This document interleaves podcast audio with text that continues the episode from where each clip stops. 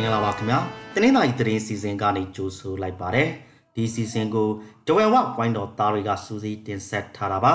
ဒီကနေ့ဇန်နဝါရီလ3ရက်နေ့မှာဖြစ်ပေါ်ခဲ့တဲ့သတင်းကြောင်းရာတွေထက်ကပထမဆုံးပြောပြမှာကတော့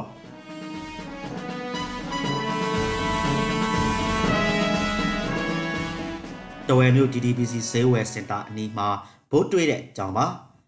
တဝဲမြို့ DDBC ဈေးဝယ်စင်တာအနီးမှာဘိုးလို့ယူဆရတဲ့အရာတခုတွေ့ရှိခဲ့တာကြောင့်စက်ကောင်စီတပ်ကလာရောက်ရှင်းလင်းခဲ့ပါတယ်။ဒီကနေ့ဇန်နဝါရီလ3ရက်နေ့မနက်9:00နာရီလောက်မှာစက်ကောင်စီတပ်ကလာရောက်ရှင်းလင်းလိုက်တာပါ။ဘိုးလို့ယူဆရတဲ့စာအုပ်စီဘုံနဲ့ထက်ထားတဲ့အရာဝတ္ထုတစ်ခုကိုတွေ့ခဲ့တာကြောင့်ခုလိုလာရောက်ရှင်းလင်းခဲ့တာလို့ဆိုပါတယ်။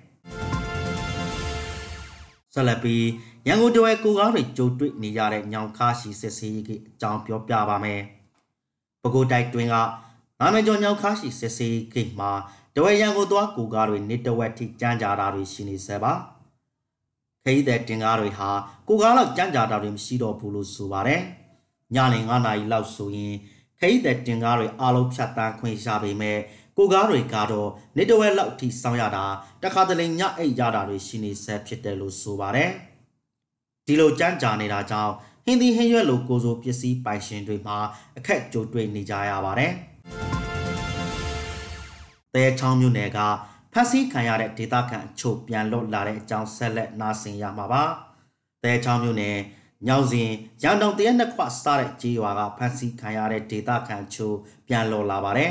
။ဖက်စီခံရသူတွေထက်ကတရက်နှစ်ခွရွာသားတူပြန်လွတ်လာပေမဲ့ ညောင်စင်နဲ့ရန်တောင်ရွာသားနှစ်ဦးရဲ့ခြေနေကိုတော့မသိရသေးပါဘူး။သူတို့တတွေဟာဇန်နဝါရီလတရက်ကဖမ်းခံခဲ့ရတဲ့သူတွေဖြစ်ပါတယ်။တဝဲဒေသမှာဒဏိဖက်ထိုးသားရှားလာတာကြောင့်ဇင်းနိုးတွေလည်းမြင့်တက်သွားတဲ့ကြောင်းဆက်ပြောပြပါမယ်။တဝဲဒေသခံတွေထိုင်းနဲ့မလေးရှားနိုင်ငံကိုအများပြားထွက်ခွာသွားတာကြောင့်အေမိုဒဏိဖက်ထိုးလုပ်ငန်းမှာလုံသားရှားပါတာတွေကြိုလာရပါတယ်။အဲဒါကြောင့် အလုံသမားတွေကိုမနစ်ကထက်ဈေးပိုပေးပြီးငှားရမ်းလောက်ကင်နေရတယ်လို့ဆိုပါတယ်။ဒန်နီဘက်အချောင်းတက်ထောင်ကိုကြတုတ်ထောင်လောက်ပိုပေးပြီးငှားရမ်းနေရတာပါ။ဒန်နီဘက်ရွက်ဖက်တန်စတာတွေလည်းဈေးတက်နေတာကြောင့်အေမိုဒန်နီဖက်တွေဒီနေ့ဈေးတက်နေတယ်လို့ဆိုပါတယ်။နောက်ဆုံးအနေနဲ့တဝက်ရွှေဈေးကွက်အကြောင်းဆက်ပြောပြပါမယ်။ဒီကနေ့တဝက်ဈေးကွက်ထဲအခောက်ရွှေတကြတာ28သိန်းကျဖြစ်သွားပါပြီ။ မနေ့ကထက်ကြတဲ့တောင်းဈေးတက်သွားတာပါဒီတစ်ပတ်တဝဲဈေးကွက်မှာခောက်ရွှေတကြတာ26သိန်း8000ဝန်းကျင်အချာတက်လိုက်ကြလိုက်ဖြစ်နေရကနေ28သိန်းကိုမြင့်တက်သွားကြပါခင်ဗျာခုလိုနားဆင်ပေးခဲ့တဲ့အတွက်ကျေးဇူးအထူးတင်ရှိပါတယ်မြန်မာနိုင်ငံသူနိုင်ငံသားများကပ်ဘေးပေါင်းကနေအများဆုံးလွန်မြောက်နိုင်ပါစေလို့ကြွယ်ဝပိုင်းတော်သားများကစုမုံကောင်းတောင်းအပ်ပါတယ်ခင်ဗျာ